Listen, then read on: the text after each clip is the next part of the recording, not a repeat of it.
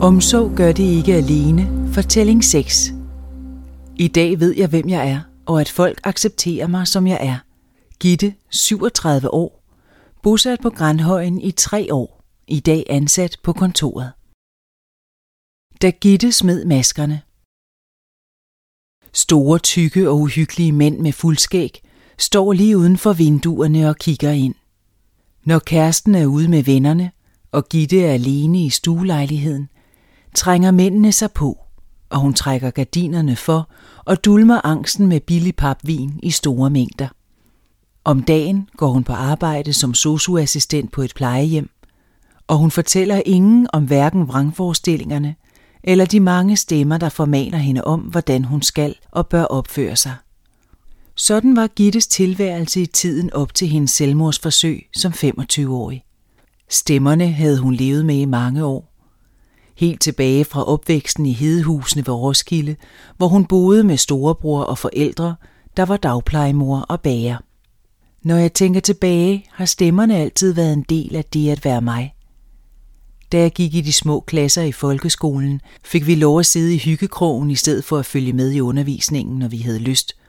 Og jeg brugte meget tid på at strikke bamser og bamsetøj til mig selv og klassekammerater. I 4. klasse var det slut med hyggekrogen, men jeg var kommet bagud og følte mig anderledes. Stemmerne sagde til mig, at jeg skulle sidde ordentligt og tage mig sammen. De fortalte mig, når nogen så mærkeligt på mig og syntes, at jeg var sær. Trak sig. Selvom Gitte ikke blev mobbet, følte hun sig sjældent vel tilpas i andres selskab i længere tid ad gangen. Hun trak sig, når forhold begyndte at udvikle sig. Jeg kunne være sammen med andre piger fra klassen, indtil stemmerne fandt på at sige, se hvor de kigger på dig. De synes, du er mærkelig. Jeg ved ikke, hvorfor jeg havde det sådan, men jeg havde lærere, som fortalte mig, at jeg var dårlig og aldrig ville blive til noget.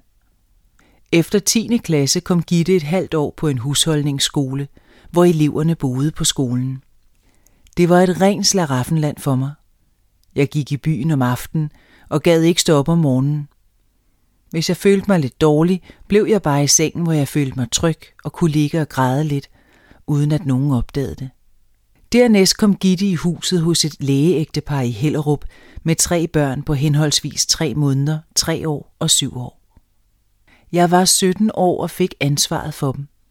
Den yngste havde jeg også om natten, for moren havde kun tre måneders barsel og var begyndt at arbejde. Jeg oplevede ikke selv, at jeg forandrede mig, men mine forældre lagde mærke til, at jeg begyndte at sige underlige og usammenhængende ting, når jeg var hjemme på weekend. En aften, da jeg skulle tilbage til Hellerup, sagde jeg til min mor, at det ville være fedt, hvis jeg blev kørt ned af en bus på vejen.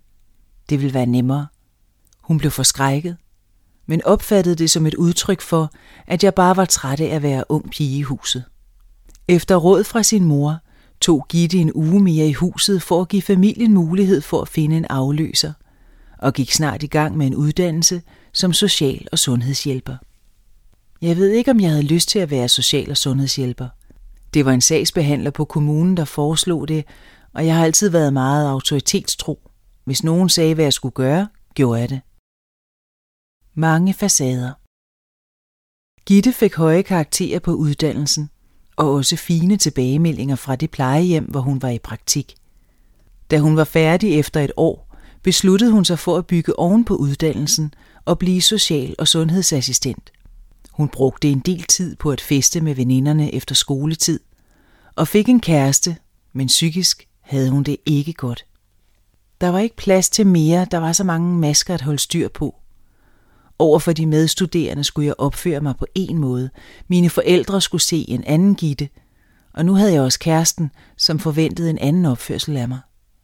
Jeg havde facader på over for dem alle sammen. Udadtil havde jeg styr på det hele, men bagved fyldte stemmerne mere og mere, og jeg brugte enorme kræfter på at holde sammen på mig selv. Allerede dagen efter sin eksamen begyndte Gitte på et plejehjem i København. Samtidig købte hun og kæresten lejlighed. De havde ikke samme forestillinger om, hvordan deres forhold skulle udvikle sig derfra. Hun så snarligt giftermål og børn for sig. Det var han ikke klar til. På arbejdet gik det til gengæld alt for hastigt frem. Efter en uge forlod en afdelingsleder plejehjemmet, og den uerfarne og nyuddannede Gitte fik jobbet. Kollegaerne mente også, at hun ville være god som tillidsrepræsentant, og Gitte sagde ja, kun for at opleve, at hun skulle forholde sig til alle former for brok. Selvmordsforsøg Selvom jeg var ulykkelig, hørte stemmer og sad derhjemme og drak en masse, når jeg var alene om aftenen, og så de tykke mænd uden for vinduerne, havde jeg også storhedsvandvid. Jeg kunne det hele på arbejde. Indtil jeg pludselig blev kaldt til samtale og spurgt, hvad begrebet personlig pleje dækker. Det kunne jeg ikke svare på. Jeg var helt blank. Så spurgte de mig, om jeg kunne vise, hvad personlig pleje var, hvis vi gik ned til en beboer. Nej, det kunne jeg heller ikke. De rådede mig så til at ringe til min læge, for de mente, jeg havde en depression. Gitte kunne ikke få sig selv til at fortælle lægen, hvad hun så og hørte. Og lægen mente, at der var tale om en depression og ordinerede antidepressiv medicin. Jeg gik derhjemme i mit eget selskab og var sygemeldt. Min kæreste ville gerne have, at jeg holdt op med at ryge. Så jeg røg i smug og skulle også rundt og smide tomme vindunke i naboernes skraldespande, så han ikke opdagede, hvor meget jeg drak. En aften, da parret havde aftalt at gå ud at spise, ringede han i sidste øjeblik og sagde, at han alligevel ikke kunne nå det. Der brast det hele for Gitte. Hun gik i gang med at tømme et glas smertestillende tabletter og en flaske Pernod. Kæresten fandt hende, og efter en udpumpning fik hun en samtale med en psykiater og tilbud om indlæggelse på psykiatrisk afdeling. Her fik hun endelig fortalt, hvordan hun havde det. Jeg blev selv chokeret over det, da jeg fik sat ord på og fortalte om det hele. Fire måneder efter blev hun udskrevet og begyndte at arbejde igen. Da hun trak i sin uniform, opdagede hun, at hun havde taget voldsomt på under indlæggelsen på grund af medicinen. Før brugte jeg en størrelse ekstra small, men nu kunne jeg ikke engang få ærmerne på. Jeg havde taget så meget på, at jeg skulle op i en ekstra large i stedet. Gitte oplevede, at kæresten havde svært ved at acceptere hendes ændrede udseende og psykiske lidelse, og skammede sig over hende. Og det endte med, at hun gjorde det forbi. På arbejdet gik der ikke længere end tre uger, før hun blev fyret. Plejehjemmet kunne ikke stå inden for det arbejde, hun udførte, og mente, at hun var sendt uforsvarligt tidligt hjem fra psykiatrisk afdeling. Efter nogen tid blev hun da også atter indlagt. Opholdssted? Nej tak. Familien mente efter endnu et halvt års indlæggelse, at det var bedst for Gitte at komme på et opholdssted, i stedet for direkte ud i en lejlighed for sig selv, som hun ønskede. Hun havde fået diagnosen paranoid skizofreni og var blevet tilkendt førtidspension som 25-årig. Et opholdssted. Jeg ville bo i en lille lejlighed med alle de Eva Solo og Eva Trio køkkenting, jeg havde samlet gennem årene, og en lille kokkespaniel. Men da jeg mødte Grete her på Grandhøjen og talte med hende, vandt hun min tillid. Jeg tænkte, at jeg nok kunne klare at være her tre år, som hun mente, at jeg havde behov for. At flytte ind på botilbuddet Vesterbro i Nykøbing var dog meget svært for Gitte. Det var vanskeligt, for jeg følte, at jeg var bedre end de andre. Samtidig holdt jeg stadig på en masse facader, og det fik dem til at sige, at jeg da ikke var syg.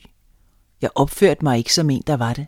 Det blev jeg ked af, for jeg havde det jo rigtig elendigt men kunne bare ikke finde ud af at vise det.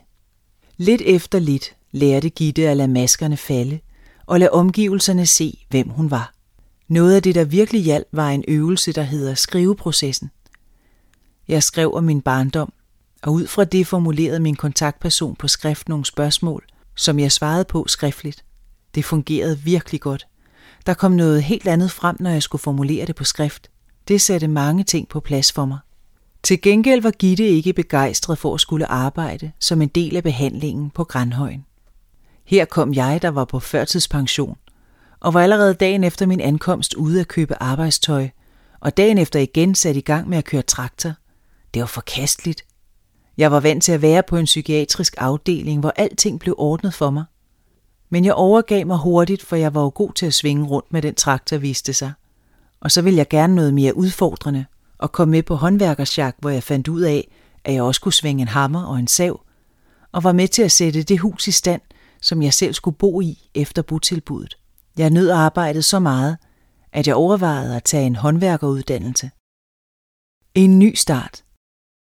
I stedet endte det med en kontoruddannelse, for da Gitte fik beskæftigelse på Grandhøjens regnskabskontor, fandt hun ud af, at her var noget, hun virkelig gerne ville arbejde med. Jeg har altid haft noget med systemer. Til tider har det gjort mit liv meget besværligt, at jeg skulle gøre tingene efter et bestemt mønster. Men når man arbejder med regnskaber, har man brug for systemer. Så endelig kunne jeg bruge det til noget positivt. Mens Gitte stadig boede i udslusningsbolig og var tilknyttet Grandhøjen, gik hun i gang med at læse på handelsskolen i en voksenklasse. Her mødte hun sin nuværende mand, Anders. Først var det lidt svært at være blandt normale mennesker igen. De anede intet af min baggrund, og det var vigtigt for mig, at de ikke fandt ud af det. Så der kom facaderne frem igen. Da jeg fortalte Anders det hele, sagde han bare, det tager vi med. Han er fuld af forståelse og rigtig god til at se, når jeg er ved at få det dårligt, og hjælpe mig til at slappe af. Men også god til at sparke mig ud af sengen, når jeg har brug for det. I 2006 flyttede Gitte fra Grandhøjen og sammen med Anders i et hus, de havde købt sammen. Da jeg flyttede og kørte forbi byskiltet med en rød streg over Nykøbing, blev jeg bange. Hvad har du gang i? Jeg havde en lidt dårlig periode, men jeg kom igennem den, siger Gitte, der efter sin læretid blev fastansat på Grandhøjens kontor i Sorø. Af og til har jeg tænkt, at jeg burde finde et andet job, så jeg kom videre. Jeg er kommet så langt, at jeg har sendt ansøgninger, men enten har jeg ringet og trukket dem tilbage, eller også har jeg følt en stor lettelse ved at få afslag. Grandhøjen er noget særligt for mig, og beboerne kender min historie og glæder sig over den. De kan komme til mig og sige, hvor er det dejligt, at du er nået så langt. Tror du også, jeg kan det? I 2008 fik Gitte en søn med Anders, der i forvejen har en søn fra et tidligere ægteskab. Jeg havde ellers sagt, at jeg aldrig ville have børn, efter jeg selv fik diagnose. Min far har været kortvarigt indlagt på psykiatrisk afdeling i sin ungdom, og begge hans forældre havde psykiske lidelser, så det er i tre generationer på stribe. Men så var Anders og jeg på ferie sammen. Vi så en masse mødre med barnevogne, så jeg ombestemte mig, siger Gitte og smiler glad ved tanken om sønnen. Hun kan stadig opleve at høre stemmer, men hun har lært at takle dem og får desuden antipsykotisk medicin, som gør hende i stand til at leve en almindelig tilværelse. Jeg har lært at passe på mig selv, og det har været en befrielse at lægge facaderne og finde ud af, at de var unødvendige. I dag ved jeg, hvem Gitte er, og at folk accepterer mig, som jeg er. Og gør de ikke det, er det ikke nogen, jeg skal bruge tid på.